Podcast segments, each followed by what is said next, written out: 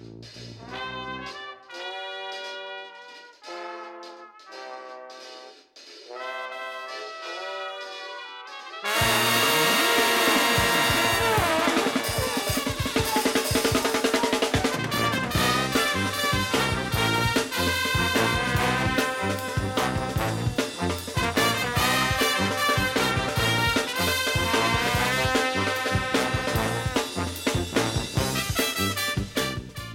Helo a chroeso i ail benod y podlediad newydd sbon Ysbeidiau Heilog gyda fi, Llwyd Owen a fi, Lee Jones, lle byddwn ni'n rhoi sylw i'r pethau bach sy'n gwneud gwahaniaeth mawr i ni yn ystod y cyfnod hollol honco hwn.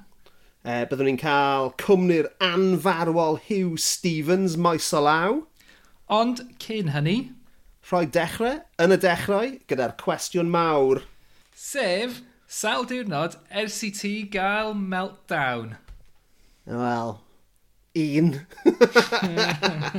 I mean, ni, ni fan hyn, right, tyfo, ni, ni, ni, ni, yn, ni yng nghanol y pandemig yma, mae fe yn ffwcio gyda e, uh, pennau cymaint o bobl, a dwi'n... E, mae fe wedi bwrw fi o bryd i'w gilydd, a fi'n gorfod, ti'n mo, llwy llaw lan o, o, o, o ddoi Sef dydd syl, ni'n recordio hwn ar nos lun, oedd dydd syl ddim yn ddwrnod gwych yn fy mhen i. Um, I mean... Ti'n ti, ti cael trafferth ar y ddyddiau syl byth bynnag yn dwi? Ti'n ti cael y ffia? um, yn draddodiadol, mae dydd syl yn gallu bod uh, yn dywellach nag eraill. A ti'n ma, fi'n... fi gorfod rhoi'n llaw lan eto a gweud ti'n oedd nos Sadwrn, a o'n i wedi yfed gormod a aros lan yn rhy hwyr o'n. Um, ond, ti'n mo, so, so oedd hwnna'n fel blid o mewn i, um, i dydd syl. Mae rhaid, na, os ti'n mynd i, os ti'n mynd i ddefetha unrhyw rhan o'r penwythos, mae rhaid i ti'n neud e'n nos Wener, so ti'n gallu byw gyda'r siom trwy'r holl beth. Na i gadw hwnna mewn gof. Neu, ie. Yeah. Neu... Nid gen ti ddiwrnod i recovero a diwrnod i, ti'n gwybod, treulio amser efo dy deulu. Ie. I mean, ti'n gwybod, nes i... Yn, yn y gorffennol, mae fe wedi difetha diwrnod cyfan, reit? Um, ond dwi yn neud ymdrech fawr y dyddiau hyn i Oh, peint, so, peint o ddŵr cyn i ti fynd i wely. Wel, barocca. Oh. Ond, um, oh, na, just o, o, o, o, o o treol peidio effeithio ar y bobl sydd o gwmpas fi, a let's face it, ni rili o gwmpas yn gilydd ar y foment, mm. right? So fi a, a, a fy ngwraig a fy, fy, fy nwy ferch, ti'n mo, so dwi ddim, dwi'n rili'n really, really treol peidio effeithio ar nhw, ond wrth gwrs mae fe yn, ond ddoi nes i rhyw ffordd trwy rhyw ryfedd wyrth cael gair cadarn gyda fy hunan a llwyddo i oroesi'r diwrnod heb troia mewn i artaith i bawb o fy nghwmpas i. Ond, ti di... a, be? Ti, ti wastad i bod fel hwn? Yeah, man. As in, ti wastad i cael y hangovers Uh, well, I mean, differnol ma, neu... Joc oedd yna i fod yn honest, cos o'n i e even yfed cymaint o hynny nos wen, uh, nos sadwn, o'n i wedi cael cwbl o beers, ond dim byd mwy na hynny. Um, okay. Ond, ydw... So hango, hangover, ti'n bod, emosiynol di hwn, dim byd corfforol yeah. hwn di'r, ti'n bod, y real, ti'n bod, yeah. dim ond am be ni'n sôn pan mae pobl, pan, pan, pan dweud, mae rhaid i ni siarad am iechyd meddwl, hwn di'r fath yeah. o bethau, right? Absolutely, absolutely, a, a o edrych nôl trwy mywyd i, twa, fi, fi wedi bod lan a lawr, sy'n ymheth o hynny, a, a tan yn ddiweddar iawn, o'n i ddim yn fodlon siarad gyda neb amdano fe. Dim hyd yn oed Lisa, bys y Lisa yn ceisio cael fi i siarad. Um, a bys ni'n gwrthod mm. tan, o, oh, tan falle mis Medi, mis Hydref 2020, o'n i just yn just yn cadw popeth tu fewn. A, ti'n mo, so, sa'n... Be? So sut, sut o'i ti... Sut nes di torri hynny? Sut, sut nes di ddechrau siarad am, am y peth? Be, nôl ym mis Medi? Ie, yeah, achos, achos ti'n ti'n... Mewn perthynas, mae pobl yn setlo mewn i'w rôl nhw yn dyn nhw, a a chwbod, dych chi'ch dau wedi bod efo'ch gilydd am bron i 20 mlynedd? Yeah. Thereabouts. Ac, yeah. um, ti'n bod, mae gennych chi rôl yr un, a hmm. yn dy fywyd di, nid hi oedd y person i ti siarad efo am, am y pethau yma. O'n i ddim yn siarad so, gyda neb amdano Wel, yn union. So, so sut, sut, sut um, nath, i, i on, newid na, na, y rôl? Wel, nath y pwynt, nath y pwynt gyrraedd yn mis, mi, diwedd mis Medi, fi'n meddwl, lle oedd pethau mor wael ag yn nhw erioed wedi bod, right? So oedd rhaid wneud rhywbeth a oedd Lisa uh, yna ag eisiau ag yn agor, agored i siarad am y peth a nes i wneud penderfyniad i wneud hynny.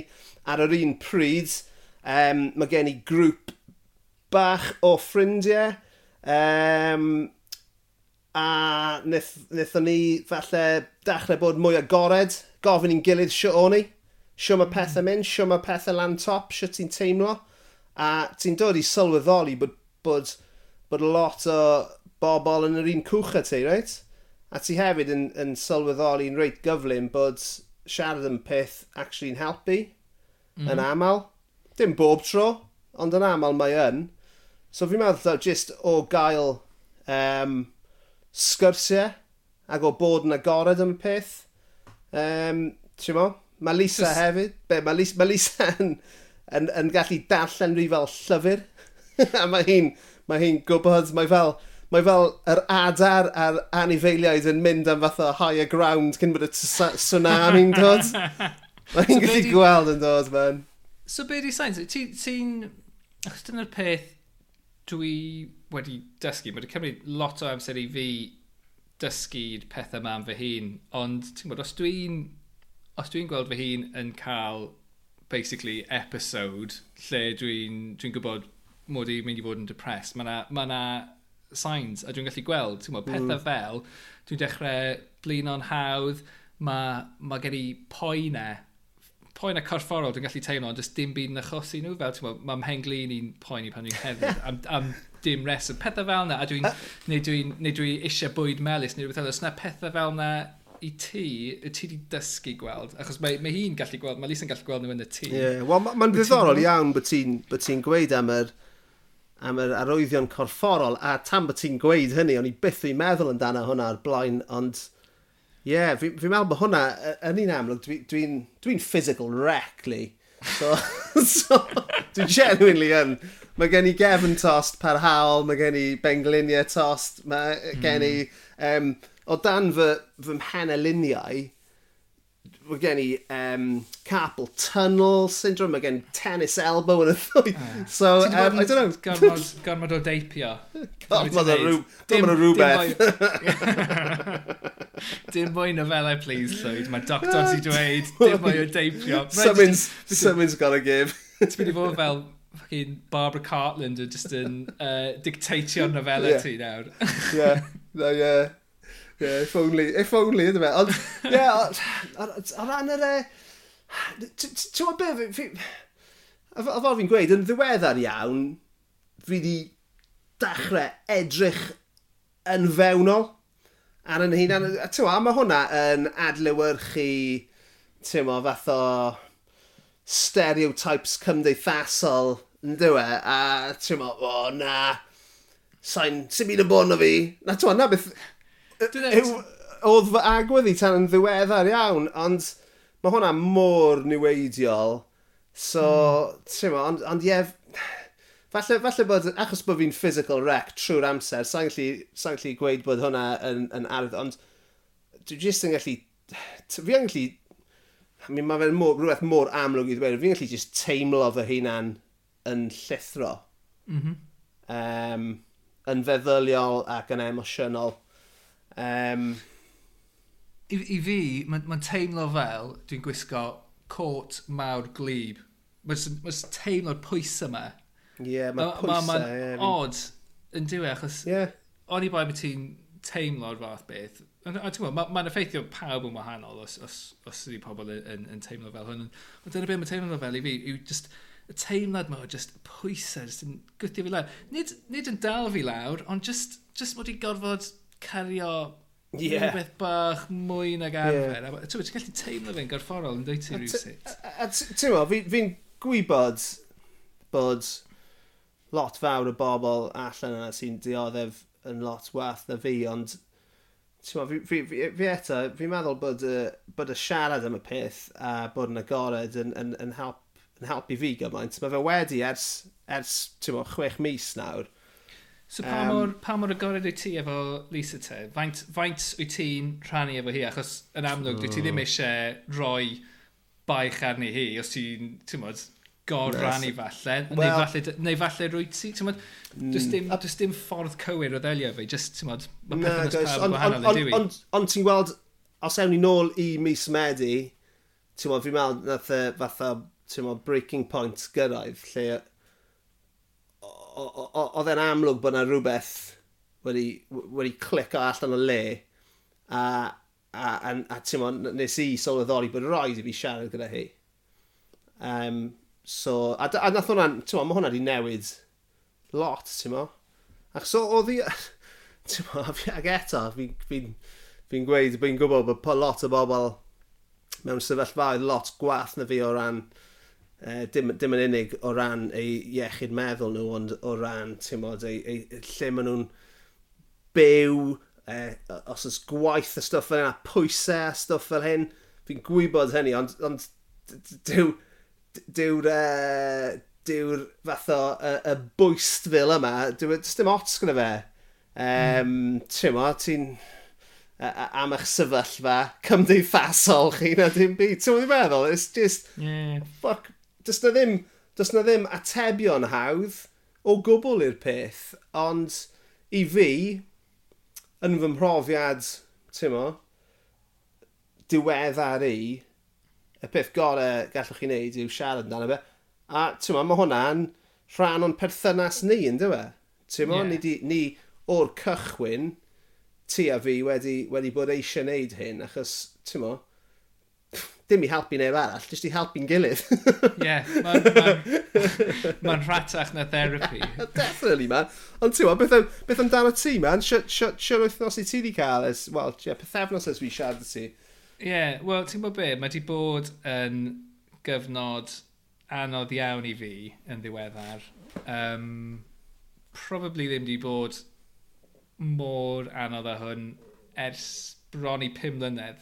So, uh, ti'n mo, a, ti'n fel ti'n dweud, mae pawb, ma pawb yn mynd trwy rhywbeth ar hyn o bryd, a mae fe'n tuff. A mae, ti'n mo, mae wedi bod yn anodd iawn, ond be dwi wedi sylwi yn yr wythnos diwetha yma, achos dwi'n dwi, cymryd sylw, dwi'n tracio moods fi ar yr app yma, a dwi'n um, jyst yn cofnodi sut dwi'n teimlo ac, ac i pa eithafa. A maen nhw'n rhoi graff neis i fi, fel mod i'n gallu gweld sut dwi'n gwneud, pa mor erratic ydw i, neu beth bynnag. A, a ti'n gwybod, mae'r ma, ma anxiety yn mynd yn uchel ar dydd syl, achos mae'n ddeud syl. Mm -hmm. Ond be dwi wedi sylwi dros y 4 neu 5 diwrnod diwetha, dwi wedi cael, dwi wedi cael 5 diwrnod da. A mae hynny, ti'n bod, i, i'w gymharu ar ti'n bod, mis diwetha, mae'r ma 5 diwrnod yna, i, i gael 5, i gael 5 in a row, mae hwnna just yn, oh my god, dwi'n teimlo fel dyn newydd llwyd. Ac... Well Mae jyst yn, ie. Yeah. Ond ti'n gwybod, pwy ar, gall, gall rhywbeth ddigwydd y fori, dwi'n yn gwybod be, a gallu fod, ti'n gwybod, back to square one. Sio, wyt ti o gwmpas dy partner, ti'n gwybod, a dy ferch, ferch ti'n gwybod, wyt ti'n agored gyda Naomi? Ie, yeah, wel, mae'n well, ma rhaid i fi achos, ti'n gwybod, um, dwi wedi bod yn sal iawn um, mm. gyda hi. Uh, dwi wedi bod efo'n gilydd dros saith mlynedd, a tro, tro diwethaf i fod yn sal, o'n i'n sal iawn. Um, so mae hi'n gwybod yn iawn uh, be, be mae'n gallu bod fel, a mae hi'n gwybod y warning signs, um, a ti'n gwybod, hi, hi sy'n wastad yn twod, dweud, dylai ti fod yn cael help, dylai ti fod yn cael help, A, a mae hwnna'n ma gallu bod yn stressful weithiau, achos os y ti, achos ti wastad, ti wastad yn gwadu hi i ryw raddau yn y dechrau, hyd yn oed os, os ti'r arwyddion yeah, yna. Um, a felly mae ma yna rhyw fath o denial stage ohono fe, dwi'n meddwl. Oh, absolutely. Ond... O'n i yn, on i yn fy denial stage i am 20 mlynedd neu rhywbeth. Ie, yeah. Ie, yeah, wel dyna ni. Dwi wedi bod yn ffodus i gael, i gael y breakdowns masif yma mewn ffordd, achos mae wedi, mae wedi gorfodi fi stopio a cymryd sylw ar, yeah. ar beth sy'n digwydd a, a, a, a, a sut i, i, i wella fy hun.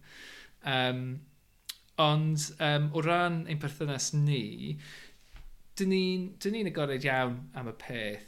Um, dwi ddim o reidrwydd yn trafod manylion symptomau efo hi. A, dwi ddim yn meddyg. Dwi ddim yn... Dwi, dwi ddau ohonyn ni heb cael ein hyfforddi i, i roi therapi yn gilydd, ond um, wnaethon ni weld rhywbeth ar-lein y diwrnod o blaen, lle um, just rhyw tweet oedd rhywun di, di rannu, ac um, rhywun yn, yn rhannu rhyw gyfrinach o'i perthynas nhw lle os oes gan un ohonyn nhw broblem ac yn mynd at y llall, uh, maen nhw wastad yn gofyn, do you want comfort or a solution?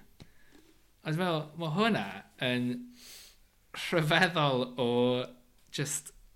Ie, yeah, dyna, achos dyna, dyna'n union be beth wyt ti yno am, mewn, symud, mewn, fel partner mewn perthynas. Ie, ie. Unai, unai...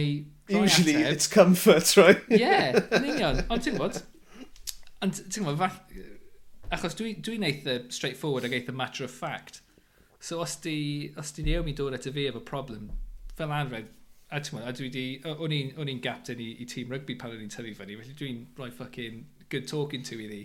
ond ond dwi'n meddwl bod i eisiau hwnna. So dwi'n meddwl bod, dwi meddwl bod e, uh, y meddylfryd yma mynd i hollol uh, traws newid ein perthynas ni.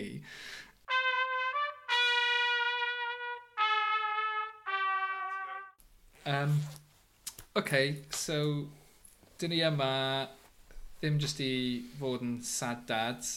Eh, uh, dwi'n siŵr dys neb eisiau gwrando ar y sad dads. Ond, nid Os oes unrhyw un anyway. dal y fyna. Hashtag sad dads. Ond, um, yeah, so, ma, dydy yma i sôn am y pethau bach. So, pa, pa bethau bach sy'n disgleirio goleini yn dy fywyd di llwyd? Wel, wythnos yma, right, a mae hwn, ma hwn yn wir ers blynyddoedd i fod yn onest, ond um, fi wedi bod yn gwrando ar, um, ar ddau album Kelly Lee Owens.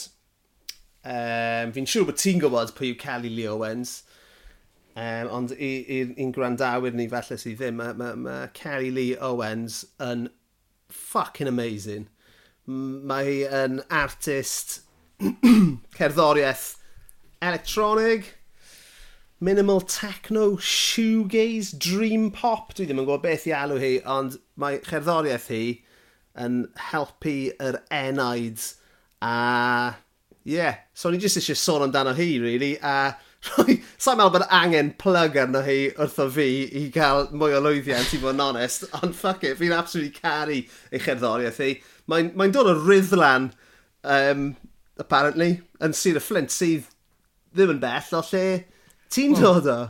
Mae well, ma Rydlan technically yn Sir Ddimbych. Dwi'n meddwl oh, Sir y Flint... Yn, Wikipedia yn, strikes yn, again. Yr hen Sir y Flint falle, cyn, cyn Clwyd ac yr hen Sir y Flint. Ond, ie, yeah, o'n i'n darllen amdani, achos dwi'n dwi ymwybodol ohoni hi a'i gwaith hi, a ti'n modd, o'n i... Dwi'n dwi, dwi gwybod pwy yw hi, a dwi'n gwybod am ei, am ei gwaith hi, Ond dydyn ni ddim yn sylwi bod hi'n dod o'r un rhan o Gymru a fi. O'n i ddim yn sylwi chwaith. Bod hi ddim ond yn pimp diwrnod yn hun na fi. a bod hi wedi symud i Lundain i weithio yng Nghyrddoedd. Wedi, wedi byw yn Manceinion hefyd am spel. Ma, ma Ti'n siŵr ti e bod yn dilyn ni? Mae hi a fi wedi cael... Ti'n bod pobl yn dweud fel, fel llong am pasio yn y nos? Ie. Yeah. Dyna'n union y bywydau.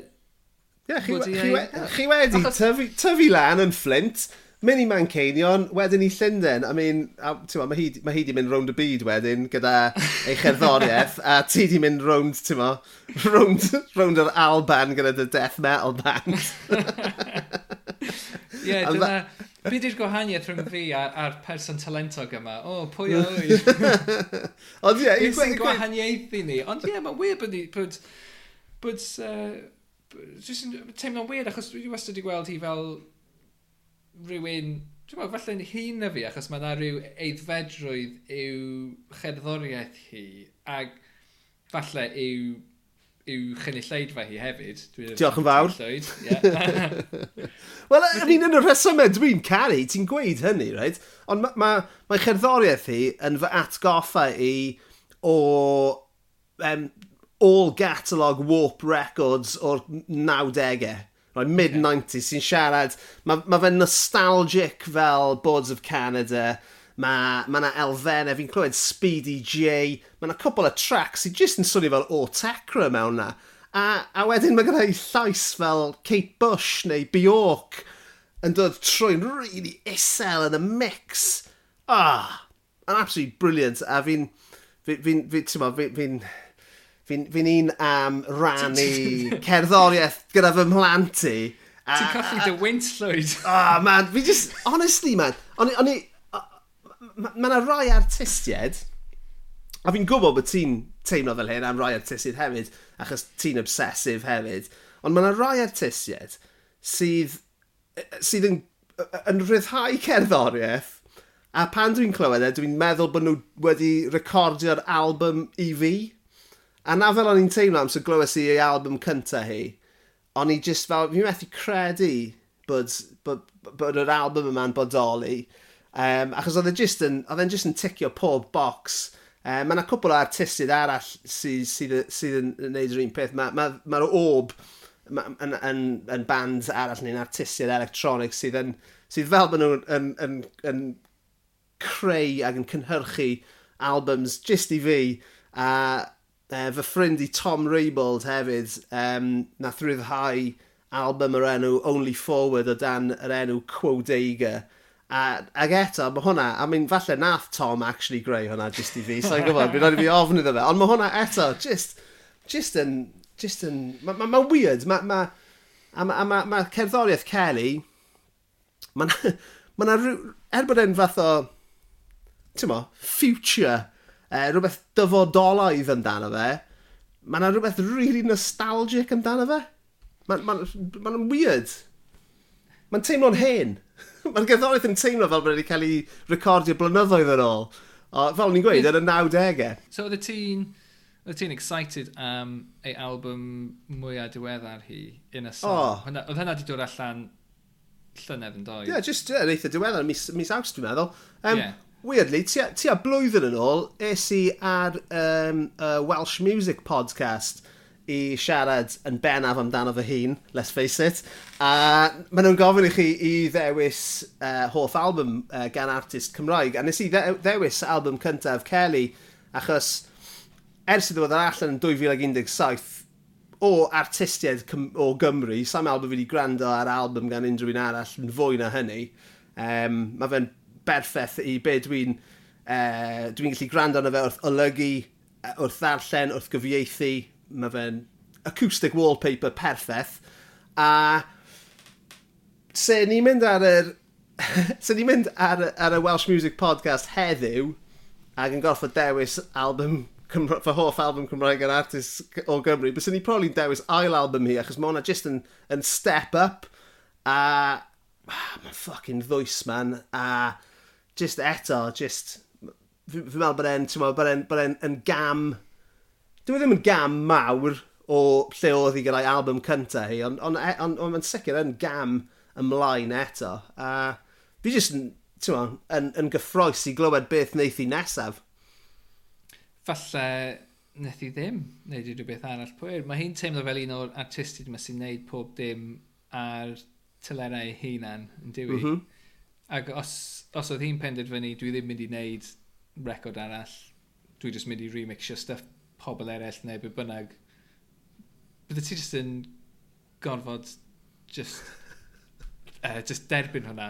Yeah. Uh, a ti'n gwybod, a, a hwnna yw yw beth yw, ti'n gwybod, dyna beth yw'r uh, peth am artistiaid yn diwy, e? yw, yw bod ti'n, yw bod ganddyn nhw'r rhyddid i, i allu gwneud penderfyniadau yeah. fel yna. A, a e? ti wedi hoelio i fyna, mae hi yn artist yn hytrach na yn gerddor os ti eisiau. Mm. Ehm, um, a, ma, ma, a, a, a ti'n mae'n ma, ma, ma, ma weird, right? So, achos wrth bod fi'n mynd yn hun, fi'n fi poeni neu yn becso llai am y bywyd allanol cerddorion a bands, right? So, nôl yn fy ugeiniau, o'n i'n, ti'n o'n i'n obsessed gyda ffeindio allan beth oedd, pol, beth oedd yn hoff bands ag artistiaid yn ho, tu hwnt i'r cerddoriaeth. Erbyn hyn, fi ddim ffocin eisiau gwybod, roes. Ond fi wedi mynd i edrych, nes i, nes i wneud bach ymchwil am... Gen ti loads o black metal yn y sylffoedd yna tu ôl i ti. Digonedd, bai ti poeni. O, no, dwi ddim, dwi eisiau meddwl am be maen nhw'n neud tu allan i'r cerddoriaeth. Separate the art from the artist. Loads of, loads of records Gary Glitter yna tu ôl i ti. Rolf Harris. Upside down cross. Ond fi wedi mynd, fi wedi mynd i edrych amdani, na i ofyn ti beth mae screwdriver yn meddwl wedyn. Ond, e, um, yeah, nes i mynd i edrych ar, ar Kerry Lee heddiw, a mae ma hi yn, ti'n mae wir yn artist, mae'n atgoffa fi o, o, o, o, o fi wedi crybwyll Kate, Kate Bush mm. uh, yn barod uh, a Bjork, a ti'n meddwl, fi'n meddwl bod hynna yn, yn, yn eitha agos o ran Um, Mae'r ma, ma, ma delwedd a, a, a'r, ar ffaith bod hi'n neud pethau, i ffordd ei hun neu ddim o gwbl, yn hmm. rhywbeth i'w barchu yn dywe mewn artist. A, yeah. a ti'n ma, hir y parhaed ei allbwn, achos fi'n absolutely caru be mae'n neud.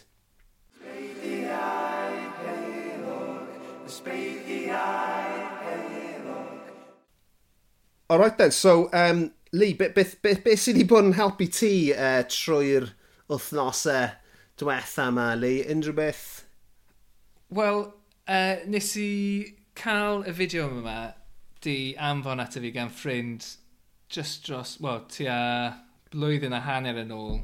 A uh, nes i clicio a gweld oedd hi'n hanner awr o hyd ac o'n i'n meddwl, dwi ddim mynd i eistedd a gwylio hwn achos sgen i ddim hanner awr i eistedd ar no YouTube way. i wylio hwn. Ond ti'n gwybod, mae'r cyfnod clo wedi gwneud pethau diddorol iawn i bawb. Uh, ac o'n i wedi ffeindio, o'n i'n ffeindio fy hun efo uh, lot o amser ar fy nwylo. A nes i ffeindio'r fideo yma eto. A mae'n gyfres o fideos. Um, ac uh, enw, enw y fideo yw I attempted to cross an entire country in a straight line. Teitl catchy. Ie, yeah, mae ma boi yma di wneud yr SEO course. Mae'n gwybod yn union sut i, i ddal bobl. a, honestly, mae'n swnio'n ma swnio warthus, achos mae yna...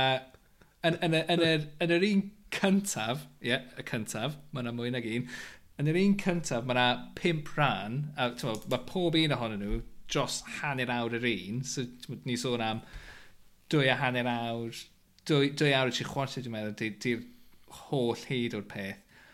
Ond beth yw e, yw'r boi ma, Tom, o Birmingham dwi'n meddwl mae'n dod, a mae'n swnio, mae ma ganddo fe acen o'r Midlands hefyd, oedd ganddo fe syniad lle beth os ydw i jyst yn croesi, beth os ydw i jyst yn cerdded mewn llinell syth, pa mor bell ydw i'n gallu mynd, a wedyn mae wedi ehangu ar y syniad hynny, a dweud, ydy hi'n bosib cerdded mewn llinell syth ar draws lled gwlad. A y gwlad mae wedi penderfynu wneud yw Cymru. Cos Cymru yw'r gorau. Ie, uh, yeah, yn union. Dyna ni. Dyna, dyna unig reswm mae wedi penderfynu. Uh, falle, falle oedd Cymru'n agos ato fe.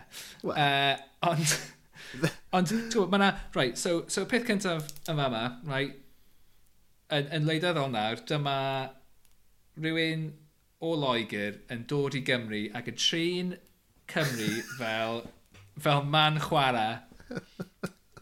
Dyna be mae'n edrych fel ar yr arwyneb, ond dwi'n addo, nid hwnna yw e. Dwi ddim yn, ti'n modd, nid y Cheshire set yn Jolly Hoitian yn Abersoch mo hwn. Fucking hell na. Um, mae hwn yn... Fuck. So be mae'n neud yw... Ma, so boi, mae Tom, mae fe jyst yn gadw B&B, wrth y ffin, ti'n bod, yn agos i groes oswallt neu rhywle, ac yn penderfynu just cerdded, a mae fe just...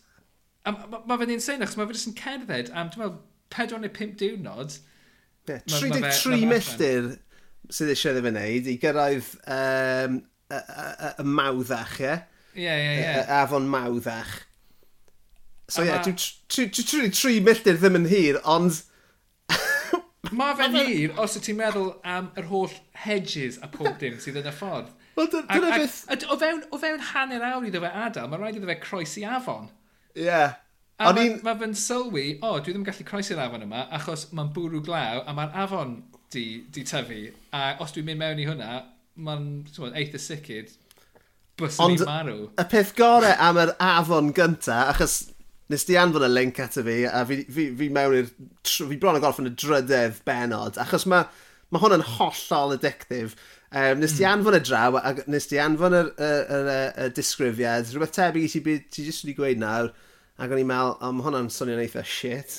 Um, ond na i edrych arno fe, anyway, mae fe yn brutal, be mae fe'n neud. Mae e yn brutal, a pa mor tense yw e?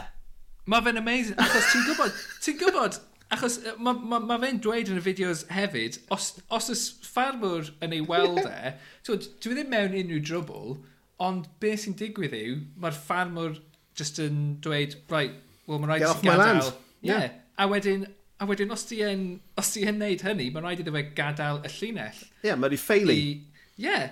A, a, a, a, a mae'n amazing pa mor gyflym rwy ti fel gwyliwr just yn ymroi yn hollol i'r mission yma sydd yn hollol bullshit. Dwi'n ti penderfynu.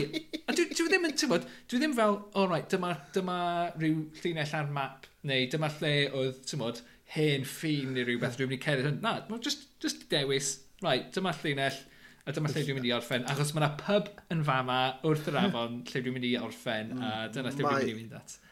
Mae... A mae fe just yn amazing. Mae'n just yn tynnu ti mewn yn syth byd. O, mae fe'n, ond, y peth mwy o nuts yw, right, ni'n, ni, I mean, falle bod ti a fi ddim yn gweld cymaint ohonyn nhw, ond ni'n gwybod bod uh, cloddiau neu gwrychoedd yn bodoli reit yng nghefn gwlad. Ni gyd wedi gweld clawdd, a ni'n gyd, maen nhw fyna, ond faint ohonyn ni sydd wedi treol dringo dros clawdd, right? Dim lot. Achos, ie, yeah, achos mae'n... Dim angen, right? mae'n edrych yn eitha haws. Mae fe yn gorfod dringo e. dros clof, ie. Yeah. A bob tro mae fe'n dod at glawd, mae'ch calon chi'n torri. Cos ar ôl tua hanner awr, mae ddwylo fe yn waid i gyd. Um, erbyn diwedd, er, neu hanner ffordd trwy'r ail ddwrnod, mae fe'n mae cymaint o, o frywiau dy fe ar ei ddwylo a mae wedi cwympo mewn cachu defed a gwartheg gymaint. A Mae yna infections. Bwrw, a mae wedi bod yn oh. bwrw glaw hefyd, so mae ddwylo fe jyst yn yeah. feddal hefyd. Ac maen nhw'n pyso ac yn gweidi, a wedyn mae fe'n dod lan at glawdd arall, a mae fe'n gorfod mynd trwy neu dros y clawdd yma. Honestly, mae e... Fi mor hapus bod ti wedi rhannu fe gyda fi, A fi di, fi di, fi di rhannu fe gyda ffrindiau a just gweud, boys, mae rhaid i chi wylio hwn, mae fe'n fucking epic. mae'n amazing, mae'n amazing. A mae'n... Mae ma, ma un stori i'r peth, sef, right, mae'n cerdded mewn...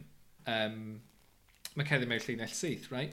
Ond mae yna penodau i'r holl beth yn does, achos mae'r benod cyntaf yw mae'n mynd i croesi'r afon, sut ydy e'n mynd i croesi'r afon, a wedyn yr ail benod, o, oh, mae wedi gweld rhywun yn y cae yma, pwy di person mae wedi gweld, ffarmwr di hwnna, a wedyn, o, oh, oce, okay, wedyn mae yna benod arall, o, oh, right, sut ydi yn mynd i, o, oh, pa fath o, o fynydd yw hwn, os na, os na serth, pa mor serth ydi, ydi llwybr yma, well, mae fe'n just... Mae yna wastad rhywbeth i, i cadw chi yn, yeah. yn gwylio. I, I penod tri, mae fe just wedi cyrraedd llyn fyrnwy.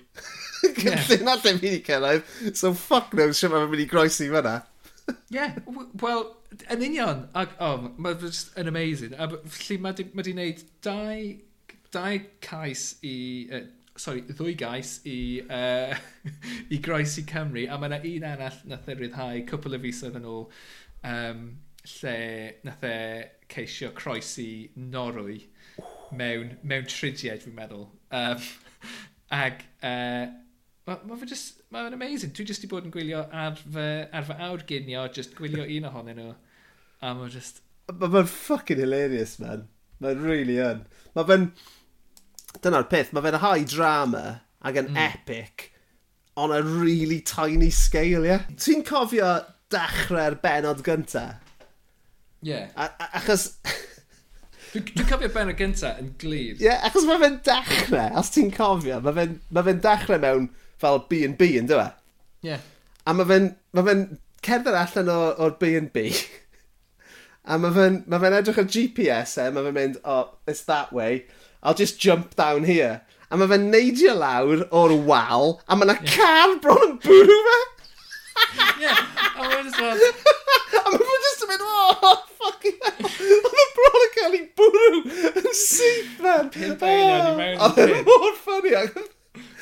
Gallai wedi bod dros yma na. A mae hwnna'n setio'r holl beth i fyny. Yeah. Achos, ti'n ti, dweud straeon fel, mod, fel job, a ti'n deall yn, yn iawn, mae hwnna, mae'n ma egluro beth, beth yw'r plot, yeah. hynny yw, mae'n gorfod cerdd mewn llunau syth, a mae'n gorfod neidio dros stuff, so mae'n dangos hynny, a mae'n dangos y fath o jeopardy mae'n gallu cael, ti'n meddwl, o, oh, falle wnaeth e gael ei taro gan car, a mae'n dangos, ma dangos beth yw'r stakes hefyd, achos os, os nad e gael ei taro gan car, mae'r holl beth yn cael ei stopio yn y fan a'r lle. A mae'n ma, ma just, ma crynhoi yr holl gyfres o fewn y pimp eiliad cyntaf. Yeah. A mae hynny, bys ti ddim yn gallu sgriptio hwnna. Na. Achos mae'n ma, ma berffaith, mae'n berffaith, ydy fe. Mae fe'n wirioneddol wych a... Mm.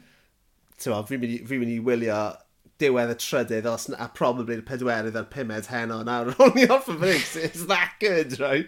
But just fel, fuck yeah, Jesus, o'n i'n ffyn canu fe. Ond ie, yeah, briliant, fi mor ddiolchgar bod ti di droi rhaid. Dylse fe, dylse fe meddwl am teitl gwell i'w raglenni. That's the only, that's the only thing, right? Ar wahan i'r teitl, mae'n fucking genius. So, oh, ti'n meddwl falle bydd Lia Llwyd yn pitio hwn i S4C, rydw i? Uh, yeah, ti'n gwybod, os, os dyn nhw'n nhw talu ni wneud, os ni'n wneud unrhyw beth. o! Ar y nodyn yna. Gawn ni weld. Clas. Spade the eye, hey, look. Spade the eye. Ie, yn union. yn union. Ond wyt ti eisiau i fi ofyn y cwestiwn hefyd? Neu ti eisiau fi basio yeah, y draw yeah, ti? Ie, yeah, okay. Na, go for it. Cool, iawn. iawn, ni'n ni recordio. Um, Wel, dyma ni, uh, nôl yn y tŷ gyda ein gwestau arbennig ac eto, does dim angen unrhyw fath o gyflwyniad ar y dyn hyfryd yma, mae fe'n lais cyfarwydd i pawb sy'n siarad Cymraeg erbyn hyn, a tu hwnt wrth gwrs, pawb sy'n, wel, lot o bobl, 137,000 o ddilynwyr Twitter, so sa'n gwybod faint o ieithoedd sydd yn eu plith nhw, ond e, croeso mawr i'r sioe, i'r podlediad, Hugh Stevens. Siwr? Diolch i chi. Diolch i chi, Rogia. Mae'n neis i weld chi'ch dau, i glywed chi'ch dau ar podcast yma. Mae'n neis cael fy chwarae ar ffôns pobl wrth iddyn nhw ffrydio y sbeidiau heilog. Oh my god. oh, diolch i ti, man. Ni'n definitely bod yn defnyddio hynna i hyrwyddo'r podcast. so, um, y cwestiwn ni wastad, wel, dyma'r ail benod, ond dyma'r cwestiwn ni wastad yn mynd i ofyn i'n gwesteion ni uh, i ddechrau'r sgwrs yw... Beth ydy'r hoff gaws di, Hugh? Mae gen i berthynas cymleth gyda caws, um, nes i stopio fe llaeth rhyw chwech mlynedd yn ôl, yn meddwl bod y lactose yn neud fi eisiau mynd i tŷ bach i gael uh, pwpw yn fwy aml na dylsyn ni. Felly, ers hynny, fi wedi bod yn wyliadwrus o gaws. Um, fi'n bita fe ar bitsa, uh, bob hyn a hyn a i gael bach o gaws mewn toasty, ond fi wedi aros draw o gawsys dr uh, dramatig. Mae fy ngwraig i ddeud, does na ddim lot o lactose mewn lot o gaws, a mae fy ffrind i Thomas sy'n gwerthu caws yn gweud, mae yna rhai cawsys arbennig sy'n isel mewn lactose. Felly, yr ateb syml iawn i'r cwestiwn llwyd ydy, mature, na, mild Welsh cheddar. Ie, ah, yeah. yeah. a fi'n siŵr bod y... Uh ffrind i Thomas yn really gutted bod ei fatha ffrind high profile sydd wedi bod, bod ar, y, ar, ar y ton feddi ers cyhyd ddim yn gallu prynu ei gynnyrch e. Wel, siwr fi yn prynu gan fe ydy halloumi, ah. um, teifi, cwmna cwmni caws yn nhw teifi. Oes, oes. A, um, um, a mae Thomas yn gweithio i tŷ caws a Um, maen nhw'n gwerthu caws bod math o bobl. Fi fel, chi wedi gofyn hwn i Mark Drakeford eto, prif weinid o Cymru, a oedd e'n neud y press conference yn do, lle oedd e'n boring am ages, a wedyn nath e'n, nath rhywun mynd, first minute, uh, yeah, yeah, what's your favourite cheese? Nath e'n, I really like cheese, I really like the crumbly, salty, caffili cheese, a nath e pyrco lan yn do, fel ni roed i gweld yn pyrco lan o'r blaen. Um, yeah. So, ond yeah, so actually, actually, fi'n mynd i newid yn ateb o mature Welsh cheddar i halloumi. Oh, Os mae halloumi mm. neis, dydy? Nes i, nes i roi... Siarad fel rhywun sydd ddim yn hoffi caws, fi sy'n coginio yn y tŷ, a nes i roi halloumi i fy rieni pan ddeth nhw ddod i aros yma. A ti'n mae ddau o nhw o rondda, nhw heb mynd yn bell, mae'n jyst i symud i'r gogledd a dyna ni, pobl syml o rondda ydyn nhw, A o'n nhw byth wedi cael halloumi. A pan nes i wneud bach o grilled halloumi iddyn nhw, oh my ah, god. Just, yeah. oedd wedi newid eu bywyd e nhw. Na, na, mae ma halloumi, ma halloumi wedi newid fy mywyd i, fel, um, mm. wel, rhywun sydd yn bwyta pysgod, ond dwi ddim yn bwyta bacwn, er enghraifft, so gyda fry-up, halloumi yw'r substitute mm. gore Sydd yna, mae fe'n hallt, a mae fe'n mm. squeaky, a mae fe'n mor blasus. Mae fe'n, oh, mae ma fe'n gaws anhygoel o dda. Mae bach fel avocado yn dwi e? Mae'n neud chi teimlo'n fwy sophisticedig na gydych chi wrth i chi fita fe. Yn dydi halloumi. Fel, oh god, mae fi'n chopol am fy halloumi, fynd gyda fy fry-up. O, oh, na roi bach ah. avocado mewn hefyd. Yeah. Ond ddiddorol bod ti'n gweud bod y rieni di wedi symud o'r Rhondda i'r gogledd, a bod nhw hefyd yn bellu, i, mm. uh, Wel, faint o bobl sy'n ddiddorol gwybod, chi, pobl chi'n cwrdd o'r de sy'n rioed wedi bod i ogledd Cymru, falle bod y pandemig wedi yeah. newid hynny. Mae hwnna... Mae symud na i fyw yeah. big step, yn dydi? Heb yeah. so, ond ie, yeah, mae neis gallu cyflwyno eich um, teulu i bethau newydd, yn dwi e? Celfyddyd, fel halloumi a pethau, ie. Yeah. Celfyddyd lleol. Yeah. Nath fy mrawd yng nghyfraith, mae da fy mrawd yng nghyfraith i um, uh, Aron stori am halloumi. A un ei fe, neu oedd yn Aberdrwyn, a nath, nath na rhywun brynu halloumi mewn siop yn yr Eglwys Newydd yn Gerdydd, off y counter, a mynd efo adre, a gaethon nhw mewn y siop eto wrthnos wedyn, a nath y boi til counter mynd, uh, you know the halloumi you bought last week? You didn't eat it, did you? Nath e fynd, well, yeah. Nath e fynd, oh, God, Oh no, it was on. It's been on display for about a year. That halloumi.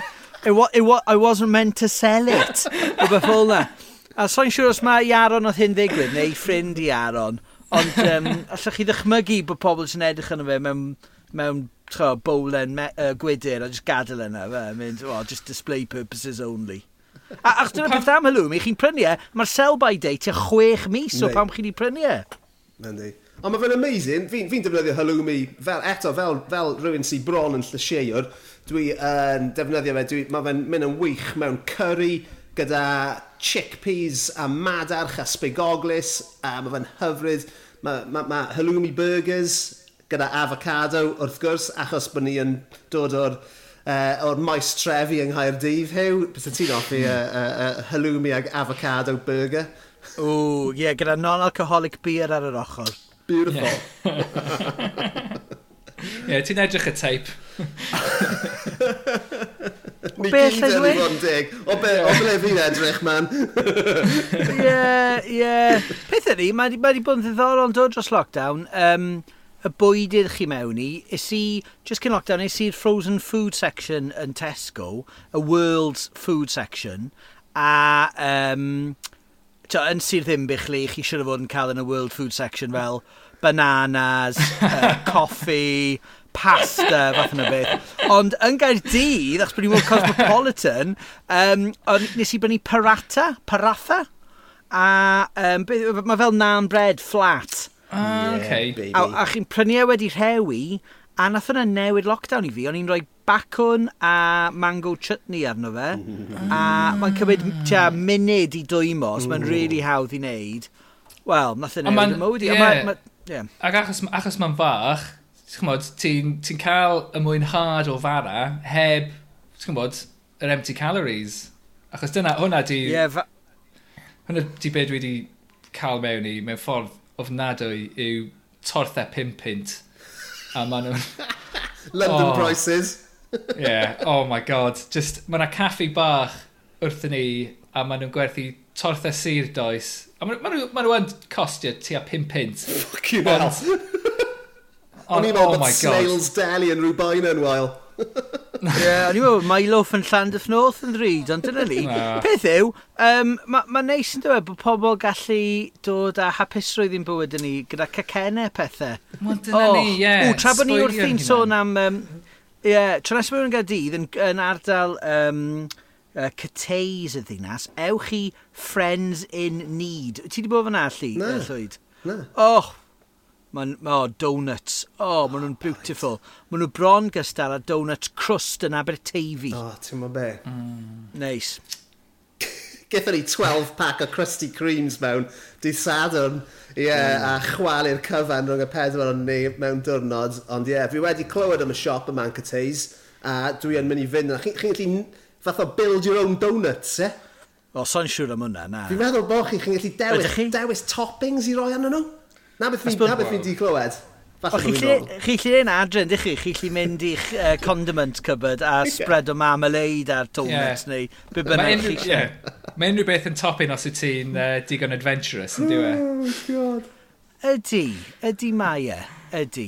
A to, mewn pandemics fel un, mae rhaid chi gymryd pleseren, does? Anything goes, man, erbyn hyn. Ie, yeah, mae yeah. rhaid i chi. Os chi moyn cael nap yn y pnawn, mae rhaid chi gael nap yn y prawn. Yeah. Yn union. Absolutely. So, Wel, yn wedig os ys gen i ti plant ifanc. Man. So, mae gen ti llai o esgus llwyd. Mae ma hiw a finna, yeah. dwi'n gallu mynd... Llai o esgus, ond mwy o ryddid. So fi'n gallu cael nap unrhyw bryd fi moyn it.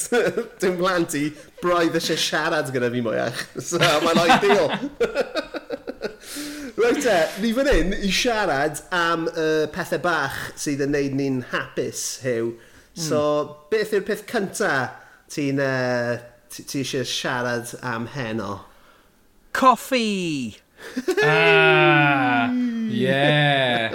Oh, oh, right, pa mor, oh. right, pa mor faint o coffi wanker o'i ti? Come on, fi eisiau clywed hwn nawr. fi ddim yn coffi wanker, diolch yn fawr iawn.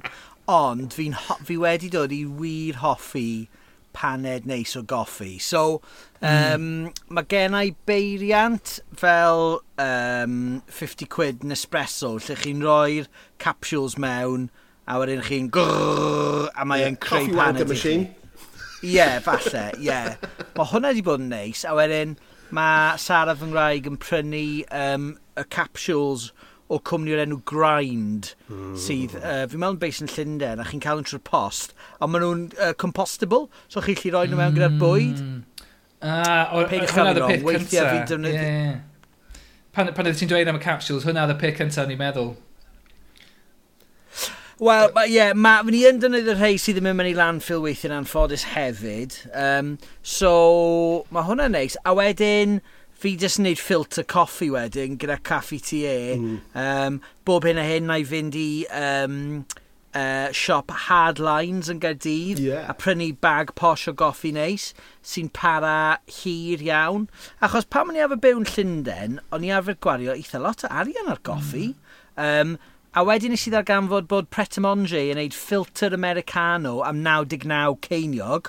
A wedyn nes i ddarganfod, os chi'n mynd â refillable cup, na nhw'n eich chi am 50 ceiniog. A mae 50 ceiniog yn paned y goffi yn eitha da.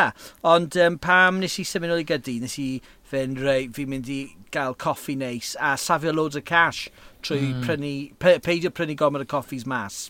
Right, uh, fi wedi cael, fi cael profiad uh, cysylltiedig â coffi heddiw. Um, so y cwestiwn sydd gyda fi i'r ddau yno chi yw, yw yw faint o goffi, faint o gwpanau eich chi'n yfed mewn diwrnod? Wel, dwi, nethon ni ddechrau yfed coffi o ddifri a dechrau, a dechrau o Covid. Ie, yeah, wastad, wastad wedi mwynhau coffi. Ti'n gwybod, pan ti'n mynd allan, dys da, ie, na gael, na gael paned o goffi, ond wir, wir wedi dechrau cymryd i o ddifri ers y lockdown. A felly, dyn ni'n ni rannu cafetier yn y bore. Uh, fel arfer, pan dwi'n dwi, n, dwi n cymryd, cymryd y merch i'r childmind, a wedyn cyrraedd adre, cael cafetier, a mae'n nghariad i'n cael un paned o goffi, a dwi'n cael dau neu dri allan o'r cafetier, a mae'n fucking amazing. Dim Just... naps i ti yn y prynawn, de? na, na. O, a, wedyn, a wedyn pan dwi eisiau mynd i gysgu ar diwedd y dydd, mae'n hoes o fi'n twitio. Oh, Dwi'n yn gwybod no. pam. Uh, Ond ie. Yeah. Yw faint i ti'n cael mewn diwrnod ar gyfer taledd, ti'n meddwl? Ie, yeah, na i gael caffi ti e ffilter peth fel arfer i fi fy hun yn y bore. Os oes da fi lot o waith i wneud a fi angen pwer i trwyddo fe, na i gael tod, plunger a joio fe. So fi'n cael hwnna.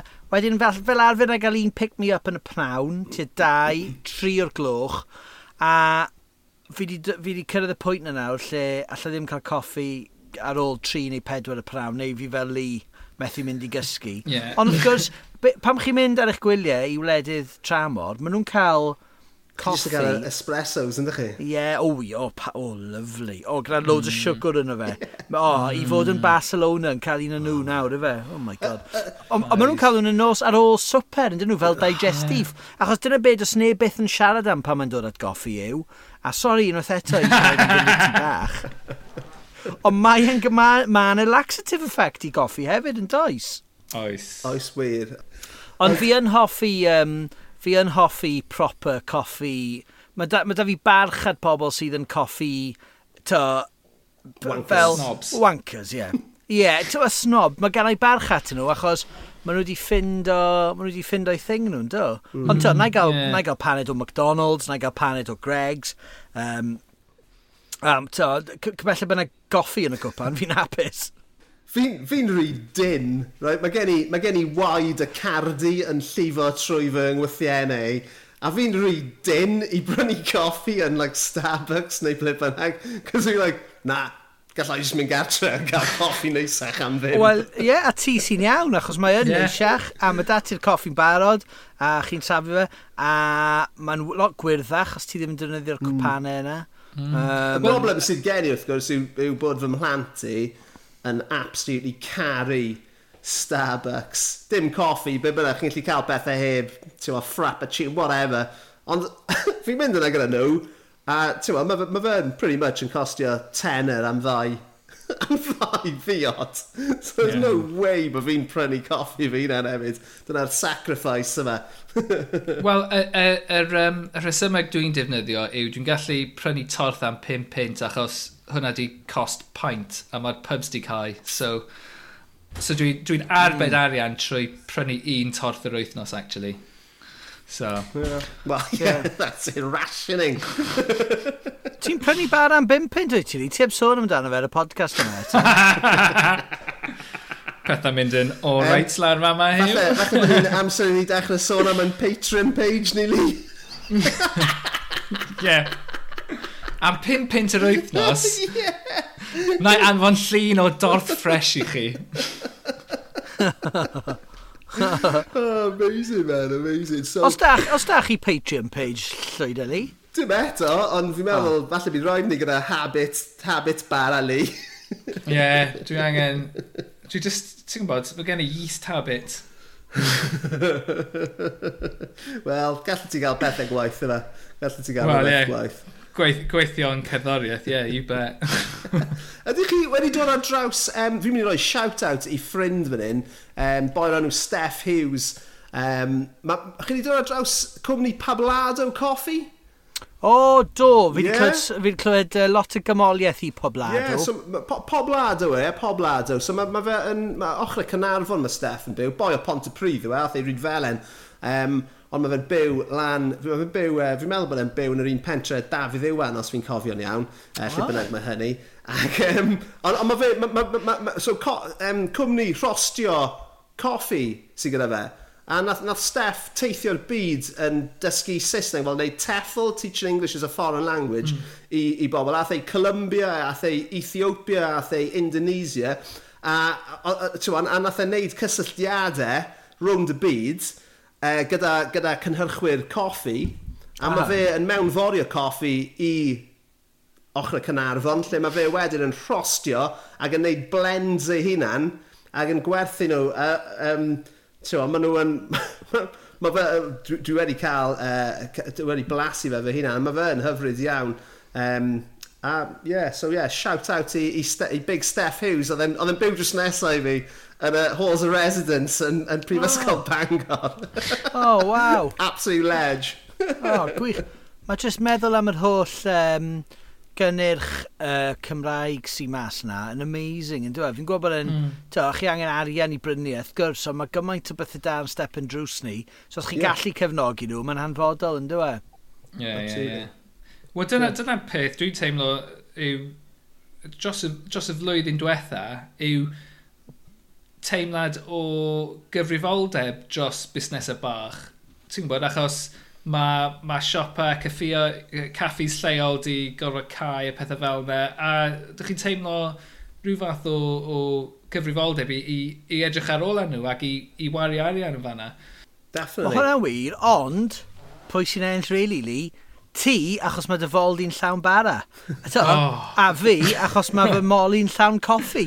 Ti'n mynd meddwl, so mae'n neis cefnogi busnes lleol, ond actually ni sy'n lwcus yma. Yeah, yeah. It was, yeah. Can't argue with that. Hwyl boys, nes i weld chi. Ta nawr. Trio peidio, trio peidio bod yn hunanol. Na, na, hollol hunanol. Ie, yeah, mae'n lot o gwestiwn ni wedi bod dros y pandemig yma'n does am fywyd ac am cymuned ac am lleol a mae'n ma anhygoel yn dweud, really. Mae'r holl diolch i'r NHS ma, jyst mor bwysig yn dweud. Mm. A mae'n dris bryd i cymryd hwnna i, uh, i diolch i'r NHS fod yn fwy o beth, really, yn dweud. Ie. Yeah. Yeah. Siwt, siwt oedd ar eich strydoedd chi yn ystod, yn ywedig yn ystod y, y, y lockdown cyntaf? Wel, o'n i ar y radio bob nos iau a dros 8 o gloch. So, um, dyna pam oeddwn ni'n cael ein annog i fy mas ar y stryd i glapio i'r NHS, wrth gwrs. Felly, nes i fynd ar microffon a dal y tu allan i'r ffenest a dod ar clapio o'r no, stryd nice. yn fyw mlaen i Radio Cymru, lle o'n i'n darlledu ar nos iau. So, oedd wneud yna neis, um, a um, yeah, oedd, to, wel, nath, nath neu un cymydog anhygol dechrau WhatsApp grŵp i'r stryd. So, mae pawb dal ar y WhatsApp grŵp yn rhannu pethau. A yn ystod mm. lockdown cyntaf ne, yn ôl yn 2020, oedd to, oedd pobl yn gofyn chi eisiau rhywbeth o'r siop, a pwy sy'n eisiau hwn, a pethau fel yna. A mae dal yn really gymdogol, ac oedd yn stryd gymdogol, beth bynnag, ond mae hwnna di mm. sort of wneud e hyn o'n fwy cymdogol nawr. Um, just cael pa, pobl cael bod mewn cymuned. Ond fi'n cymryd i Tili yn Llundain, bod, bod yna, mae'n bach na noddach fi'n cymryd, dyw e? Chos mae stryd chi eisiau yeah. fod yn miliwn o bobl neu rhywbeth, dyw e? Ie, yeah, a mae ma pawb... Ma, well, dyma, dyma chi arwydd o beth mae hi fel. Dyn ni newydd cael pobl newydd di prynu tŷ drws nesau i ni, a maen nhw'n gwneud llwyth o waith yna. Mm. Maen nhw wedi stripio'r holl beth allan. Maen nhw wedi dod draw, maen nhw wedi bod yn gyfeillgar a, ac yn neis iawn. Maen nhw wedi dod draw dweud helo pob dim ymddeheiro am y sŵn. Nath nhw ddod draw heddi i ofyn os oedden ni'n nabod y pobl sy'n byw ar yr ochr arall iddyn nhw, achos pob tro maen nhw'n cnocio ar y drws, maen nhw'n cael llenni ac yn troi teledu ffwrdd. oh, right. A maen nhw, a maen nhw angen, maen nhw angen siarad efo nhw, achos y gwaith maen nhw'n neud, maen nhw angen neud pethau strwythurol, a maen nhw angen gofyn iddyn nhw cwestiynau, ti'n gwybod, eitha difrifol. So, wyt ti'n anam nhw? O'n i'n mynd i siarad, o'n i ddim yn mynd i siarad efo pobl drws nesaf, ti'n jocan? Mae'n trist ni, I suppose iddyn nhw, mae'n rhywbeth fel, oh god, pwy'r bobl newydd yma, pobl yeah. yn siarad yw pobl newydd, ie. Yeah. Ie, ie, ie. So mae ma fe'n... Ie, yeah, dyna, dyna kind of beth mae fe fel. Oedd e'n eitha neis, oedd e'n e lot o sŵn. O'n i'n methu mynd mas y ffrant achos mae'n drws ffrant ni reit o dan um, stafell gwely ein merch ni. So oedd hi'n cysgu, ni'n gallu mynd allan. Pots a pans. Ie, yeah, o'n i'n... O'n i'n, ti'n modd, eitha grac am pobl dros y ffordd yn neud a hefyd. Fucking shut up. Um, so oedden ni'n mynd mas y Kevin ac just i, just i rando pob, pob nos iau. Ac oedd mae bloc o fflatiau, ac o'n ni'n gallu gweld, mae'n ma eitha, ti'n dau stryd i ffwrdd, rhywun yn byw yn y fflat, reit ar y top yn chwifio at ni, yn chwifio at nhw. Hwna'n eitha neis, ac oedden ni'n byw... A digon pell i ffwrdd hefyd. Ie, yeah, i beidio, i beidio gorfod wneud small talk. Um, ond dyn ni'n byw, dyn ni'n byw ti a milltir a hanner i ffwrdd o'r afon. A dyn ni'n ni agos i'r Woolwich Ferry. A oedden ni'n gallu clywed y Woolwich Ferry yn mynd ar y foghorn pob, pob wythnos am 8 y gloch, chi'n gallu clywed... Dyn o'r babi. Ti'n nightmare. yeah. Mae yna fideo, ma fideo o'r, or Woolwich Ferry yn dweud donuts yng nghanol yr afon. Ah, rwy'n gweld na. Yeah, so na. So, oedd, uh, yeah, nes i weld y fideo wedyn yr wythnos wedyn, jyst clywed y, y foghorn anferth yma yn y pellter. Hwna'n eitha weird. Ond ie, yeah, oedd lot, lot o sŵn, achos ti'n modd, mae yna llwyth o bobl yn byw yn agos i yma, a just, oedd e'n eitha galonogys yn doedd i, i just clywed pawb yn dod at ei gilydd. Yeah. Neu rhyw ffordd. O'n i'n eitha, o'n i'n teimlo'n eitha yeah. sinigaidd dros yr holl beth.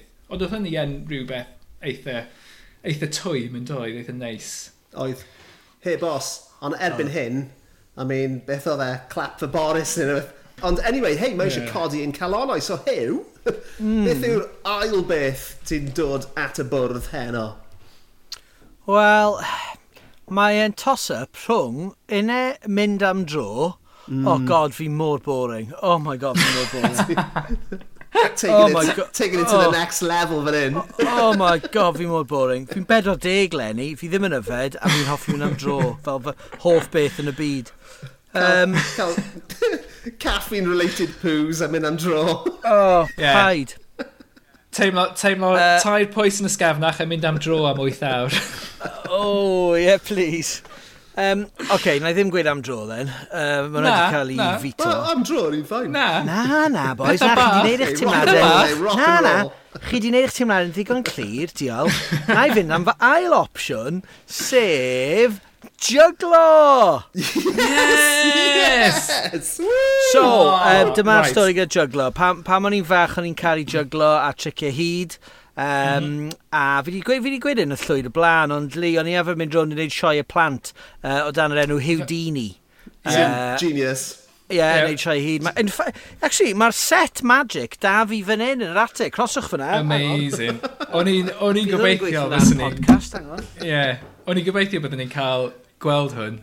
O'n i'n mynd i ofyn, os oedd ti di bod yn ymarfer, ti'n bod, dechrau, dechrau lockdown, ti'n gweld pac o gardiau ar ochr y stafell a jyst meddwl, ie, yeah, dwi'n mynd, i, dwi mynd i dechrau syfflo hwnna, dwi'n mynd i dechrau, dechrau ymarfer eto. O'n i'n anghofio gymaint fi'n joio juglo nes bod fi'n uh, dechrau juglo tangerines i fy mab Cai sydd mm. yn hmm. dri a mae'n gofyn i fi jyglo nawr bob dydd. Mae'n mynd, dad, ti juglo? A fi'n juglo. A beth sydd amdano fi, mae'n dda'ch postio chi, mae'n mae eich chi deimlo bod chi yn control o rhywbeth mewn byd sydd yn brysur mynd allan o'ch um, control chi. Um, Go, Cymraeg da fyna. Ni'n swnio fel llwyd Owen fyna. Cymraeg glan ta fyna. O, mae byd yn oh, tyddi mi mas o control chi. O, right. Um, mae rhaid, ma rhaid i fi yeah. canu cloch yn fanna. Mae wedi cymryd tu a hanner awr, ond dyna'r mention cyntaf o glan taf. Felly, os ydych chi'n chi, chi chwarae adre, gewch chi Gymru diod nawr.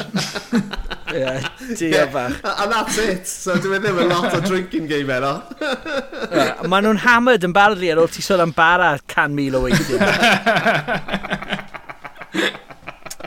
Ond ydych chi'n jyglo, boys? Ydych chi gallu... Fi'n gwybod bod chi'n jyglo bywydau prysur, ond ydych chi'n jyglo actual pe, pe, pe, peli? O, oh, Na, a, a dwi wedi treial a dwi'n absolutely hopeless. Oh, Mae yna rhywbeth... yn yeah. hyn yn mynd i dangos i ni bod e'n gallu. Dwy, dwy dangerine ag afal, dim ond... Wel, mae'n anodd os ti'n eistedd lawr yn dim i. O, esosodion. Wel, dyma ni. O, dyma ni! Ti'n gallu, oet! Da. Yeah. So pryd ddysgus ti, Hew? Pryd, pryd, pryd, pryd nes ti ddysgu am so ti'n rili ifanc? Ie. Yeah, um, basically, unrhyw beth oedd ddim yn ymwneud â gwaith cartre, oedd gen i ddiddordeb ynddo fe, fel music a magic tricks a juglo. So, ie, yeah, ti a deg ymlaen, I suppose. A uh, nes i trio neud clubs, nes i trio neud cyllill. Uh, beth i trio juglo tan, achos unwaith chi gallu neud cyllill, chi gallu neud tan, technically. Chi just ddim yn dal y pen sydd ar dan, obviously. Um, ond ie, yeah, mae'n rhywbeth... So fi wedi joio fe, felly fi'n fi weld bod yn dda i'r enaid jugla peli, a mae'n dda, fel ni'n gweud, dda i'ch post, i fy mhostio i, a mae'n mm. mae neud i fi deimlo'n... um, rhywbeth dim ond 5 munud bach, hwff, non-stop juglo, mae'n dda i muscles y breichiau. O, oh, fi fel John Claude Van Damme fan hyn. O! Ond mae'n So, Mae'n yeah, dda, ma dda yeah. iechyd meddwl hefyd, achos yw, mae fel meditator, yn diwy, achos mae'n ma, cymryd ti allan oh, yeah. o dy bendi, achos ti jyst yn gorfod canolbwyntio ar beth sy'n digwydd o flaen dy lygyd di. Ti ddim yn gallu meddwl, o, oh, dwi wedi talu bil trydan mis yma, ti mynd, di hynny ddim yn mynd trwy dy feddwl di ar, ar y pryd, na. So mae'n... Na, ma na, dwi e ddim, actually. Mae ma hwnna'n wir, mae ma bod yn y foment yn bwysig. I suppose mm. jyglo ydi pan fi'n neud hynna, ie. Yeah. So hwnna, Achos... ife hwnna agos at ti'n dod at fyfyrio, uh, meditation. Ie, yeah, so'i wneud unrhyw fyfyrio call. Mm. Er, mi nes i, nath yng rhaid gael Shakti Mat i fi, nadolig, sef mat lle chi'n rolio fy mas a mae'n llawn bits bach um, plastic, oh, really... Dwi wedi gweld. Fel spiky, yeah, gorwedd yeah. arno fe. A ma, so mae yna elfen o um, fyfyrio yn hwnna falle, ond ie, yeah, fi'n mynd Fi yn gwneud lot o fyfyrio. Fi yn rhywun sy'n gwrando'r app cyn mynd i gysgu. Fi jyst yn gallu cysgu yn eitha rhwydd i fod yn onest. Dyn ni'n... Mae nghariad i, dyw hi ddim yn cysgu'n yn rhwydd iawn. Dwi yn, ond mae hi yn gwrando ar uh, audiobooks Harry Potter, a dyna beth ydyn ni'n gwrando ar ni. Ond mae hwnna'n, ti'n bod, eitha crap pan ydych chi'n cyrraedd y rai olaf, a mae'n really dramatic a gyd chi'n clywed ydy Stephen Fry. Ti just, ti just, ti just mynd i syrthio i gysgu a wedyn allan o'n unlle Stephen Fry just yn bloeddio Hermione! Ond gyda audiobooks tra chi'n mynd i gysgu ddo, os chi'n cwmpo i gysgu hanner ffordd trwy stori, a sbwrs chi just yn rewind o diwrnod wedyn well, i chi? Ie, yeah, well, mae hi'n dweud, o oh, ie, yeah, na, dwi'n dwi, dwi dwi'n dwi, dwi gwybod lle nes i gyrraedd neithiwr. Mewn, be? Sut? Wow. Oedde ti'n cysgu? Ond... Uh, yeah. Yeah. Wyt ti'n gwneud audio box o dy lyfrau di, Llwyd? Na, dwi heb, ond dwi'n meddwl bod cwpl ohonyn nhw'n bodoli, ond right. dim fi nath ddarllen nhw. I mean... Pwy fydde ti'n cael? Rhywbeth i wneud. Hugh Stevens, obviously. Yeah, yeah. Mae pawb yn meddwl bod ni yn swnio yn union yr un peth, anyway. So yeah, yeah, Matthew Glyn. Ti'n fawr rhywun, rhywun, rhywun o, o Glen Taf. Oh, there he is. Drink arall.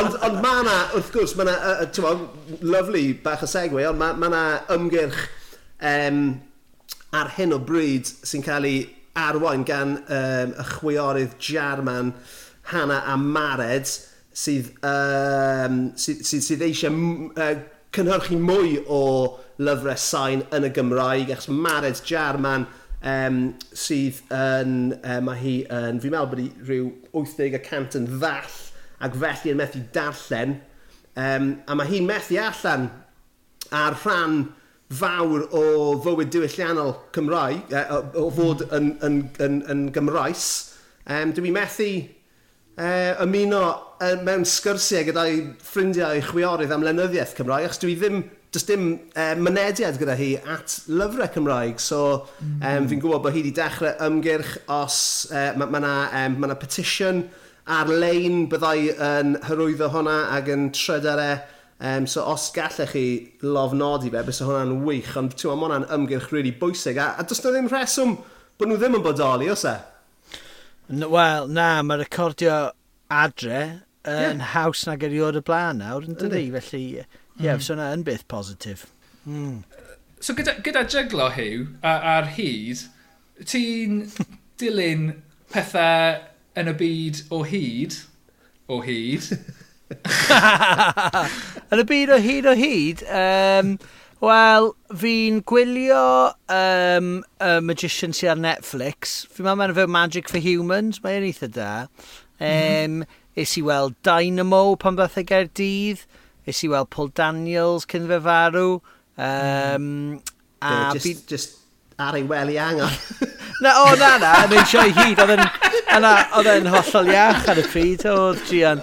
Um, a fi weithio mynd i'r Magic Circle, ond wel, fi'n gweud weithio, fi wedi bod rhyw dwy dair gwaith um, mm. yn Euston yn Llundain. Mae unrhyw'n cael mynd yeah. ar nos Wener, a chi'n cael tocyn a chi'n mynd. A be, be, jyst i wylio sioe? Ie, yeah, chi'n yeah, mynd rownd a mae'n yna fel... Ah, oce, okay, mae hwn yn gwestiwn. Ydy'r... Wyt ti'n gallu gweld trwy'r hyd fel rhywun sydd yn ymarfer neu sydd wedi? Wyt ti'n ti gwylio fel yn mynd, o, oh, fi'n gallu gweld beth ti'n neud? Achos i fi, fi mae fe'n syni fi. Mae'r ma, ma, ma triciau, I mean, mae'r ma, ma pethau lleia a fi fel, oh, wow, mae'n amazing. Ond ti'n i rhywun mm. sydd yn ymarfer ei hun, O oh, ie, yeah, na, ta be. Wel, weithiau, wrth gwrs, chi fel, o fi'n gwybod sut mae hwnna'n gweithio, ond maen nhw'n neud e mewn ffordd really amazing a yeah. neis a diddorol. Um, weithiau fi'n gweld pethau chis fel, sta fi ddim syniad sy'n mynd dig. Ond fi byth yn mynd i weld Magic yn trio gweithio pethau mas, no. achos yeah. mae hwnna'n really boring, yn dweud. Mae fel yeah, os chi'n gerddor ac yn mynd i gig just i weld tad, sut maen nhw'n cyfansoddi can. Chi'n mynd i fod yn hau yn dichi. Fi'n lot o yeah. gerddorion sydd yn neud yna nhw. Ond mae ma bach i, nôl, nôl i beth chi'n gweud am juggler, really, i fi, mae fel, mae e just yn hollol fantasy. A dyna pan mae pobl yn hoffi Harry Potter mm. a pethau, yn dweud, e? achos bod e'n, mae e mor bell o reality fi, a dyna pam o'n i'n offi magic tricks fi'n cedi, oedd achos bod e'n cymryd chi allan o beth sy'n digwydd yn y byd yma, a mae'n mynd â chi i fyd ffantastig. So fi yn cymryd diddordeb, ond fyswn i ddim yn galw fy hun yn gonsidiwr, ond yeah. allan ni siarad fod wneud sioi hyd am hanner awr i blant am Ta, os fysa ni... Am pris resymol. Ie, a falle byd rhaid i fi cyn bwyd, so gen i weld. Ie, yeah, achos dyna'r thing, yn diwedd gyda, gyda hyd, mae na... Mae ma pobl sy'n ddawnus, maen nhw'n ma nhw dangos un peth i'r gynulleidfa, ond mae'r ma dawn ei hun yn cael ei guddio, yn diwy. Ie, yeah, beth sy'n dda yw, pan chi'n gorfod fel Tommy Cooper, oedd e'n dda iawn yn neud e, ac oedd Paul Daniels yn dda yn neud e weithio fyd, lle mae yna e-, esgus bod yn rhoi'r gyfrinach i'r gynulleidfa, mm. chi'n leco hwnna? Dyma siwr chi'n neud e, ond wedyn mae yna surprise arall, so mae yna heinau yeah, yeah. gwahanol o dwyll yn mynd mlaen. Mae hwnna'n really clyfar. Well, um, I mean, hoff dwi, dwi carig. Tommy Cooper, right, oedd bod e'n gonserio'r gwael, right? That was his act, yeah? Ond o, fi, fi wedi gweld cwpl o ffilmiau dogfen amdano fe sydd yn gweud er mwyn gallu wneud hynny, oedd rhaid iddo fe fod yn gonsirio'r ffantastig. Wrth gwrs, oedd rhaid yeah. fod un o'r gyreion yeah. erioed er mwyn... Ie, yeah, mae fel pobl sy'n sgwennu throwaway pop songs. Maen nhw'n hmm. geniuses, a fydden nhw uh, gyda ni, a fydden ni'n cael eu cofio am flynyddo, am, achos bod nhw'n sgwennu cyneuon sy'n cael eu gweld fel throwaway pop songs. Yeah Ond rhain ar cynnig mae pobl dal i ganu a mm. dal i cyfro gyda ba. Mae'r un peth gyda, ie, yeah, gyda, gyda hyd y lledrith Uh, neu hyd y llefrith, fel fi'n hoffi gael o fe, cheeky. Um, so on... gwerthu fi, beth yeah. oedd e Dynamo fel? Cos Dynamo yw'r yw'r, yw'r fath o, y considered y brif ffrwd, a dwi dwi wedi gwylio peth o'i all bod ar y teledu, ond, ti'n siwr oedd e'n fyw Wel, mae Dynamo yn briliant. Nes i roi, um, un o claims to fames fi yw bod fi wedi rhoi uh, Dynamo ar Radio 1 uh, gynta. No um, way. Do, wnaethon ni... Nes i, nes i ofyn i'r bosses yn Radio 1, pro, tia 2005-2006, can I do a magic show on the radio? A, ac am rhyw reswm, wnaethon nhw fynd, yeah, of course you can. so wnaethon ni wneud awr o magic lan loft mewn pub yn Llundain. A un o'r conserwyr ifanc na ddod a wneud tricky hyd ar y radio. A cofiwch, oedd o'n ddim yn cael ei ffilmo, oedd ddim fel nawr lle oedd Insta mm, Stories yeah. Radio 1 neu oedd y docu... Oedd e just pure radio, just audio yn unig. Um, A ie, yeah, oedd Dynamo yn amazing. A wedyn, so mae ma, ma, e dal yn anhygoel wrth gwrs ac yn ei tricio mawr ar teli. Um, a wedyn pam nath e ddod i'r Motorpoint yn gair dydd, yr hyn CIA llwy, ti siw fod yn cofio oh, fod CIA, ie. um, a um, oedd e just, oedd e'n gret, to. Fa just rhywbeth mawr am y spectacle yna o llenwi llwyfan gyda triciau. Mm. Ond wedyn dod â camera mas a mynd mas i gynulleidfa neu tricks o pethau. Oedd e'n fascinating i weld. Ond, mae fel gigs fi'n meddwl i fi, So weithiau mae'n neis mynd i weld Beyoncé yn yr O2 neu yn y Stadium of Principality, ond mae gigs bach, a mae'r un peth gyda tricio hyd, really, stafell bach. Un lle fi moyn mynd i, mae'n eth... Fi'n meddwl mae'n fe The World's Smallest Theatre, a mae'n y bari. A fi'n meddwl bod e'n dal deuddeg o bobl neu rhywbeth a chi'n, uh, o'n i'n edrych, maen nhw'n neud tricio hyd yn y sioe hyd yn aml, ond wrth gwrs mm. dwi heb fod ar agor yn ddiweddar, cos of Covid, ond um, uh, yeah, fi moyn mynd fyna, achos mae'n rhywbeth am fod yn really agos, a, a, a dim cameras yn involved, yeah. achos mae gyd i wneud am y sleight of hand, ac i gyd i wneud am y... Oh Lle mae ma beast i mynd? o! Uh, so, ie, yeah, mae gyd i wneud gyda pethau fel yna. So, ie, yeah, fi, mae ma, ma, ma rhywbeth, rhywbeth, um, uh, dinewed iawn am dricio hyd hefyd fi'n credu. Rhywbeth mm. really um, uh, primitive a rhywbeth really... Dwi'n mynd go, old school amdano fe fi'n offi. Ie. Yeah. A, a, a, a dyna'r peth, achos dyna'r dyna contract rhwng y ti fel cynulleidfa a'r perfformiwr, rwy ti yno i gael dy dwyllo, a ti'n ti fodlon i gael dy dwyllo, a ti'n ti, ti gwirfoddoli ar, ar gyfer hynny, yndwyt ti? Felly, a, mae hynny'n wahanol i unrhyw beth arall. Ie, mae hwnna'n wir. Ie, yeah, mae hwnna'n wir. So ie, yeah, chi ddim yn mynd neud nature dal y considio'r allan, a wrth gwrs mae'r rhan o chi meddwl sut mae hwnna wedi gweithio, ond wedyn fel ti'n gweud llwyd, mae magicians da yn gwybod hwnna ac yn barod i counteracto hwnna gyda mwy o mm. magic. Un o'r pethau gofod fi oed i wneud oedd mynd i'r Magic Castle yn Los Angeles. Mm. A um, rheswm o'n i'n cael mynd mewn, mae'n rhaid chi gael eich gwahodd, neu mae'n rhaid chi Mae tocynnau'n bryn iawn iawn yeah, i fynd i'r Magic Castle. A um, o'n i'n siarad gyda Griff Rhys o'r Super Furry Animals am hyn fy nghefnder Griff ac o'n i'n gweud am y Magic Castle. Fe, o, oh, mae cariad Boom Bip yn gweithio yn y Magic Castle. ac o'n i fel, oh my god, mae hwn yn amazing. Wrth gwrs oedd Griff yn, bw, yn neon neon gyda Boom yeah. Bip. So, trwy ddi hi, nes i af yng ngwraig pan oeddwn ni ar ein mis mail yn LA cael mynediad i'r Magic Castle, sy'n bach fel fake Castell Coch. um, dychmygwch, mae'n bert, a mae hollol out of place yn Hollywood, a mm. mae'n hollol cheesy, ond mae'n beautiful ti fewn, a chi'n mynd rhwng ac yn bob stafell oedd yna gynsiriwr a wedyn oedd yna sioe mawr oedd y Magicians ma Sweden yna ac oedd e, oh, oedd e just yn oedd rhaid chi wisgo siwt oedd rhaid fi fynd â siwt ar fy mis mail er mwyn cael mynediad i'r Magic Castle um, so ie yeah, oedd e'n br briliant ie yeah.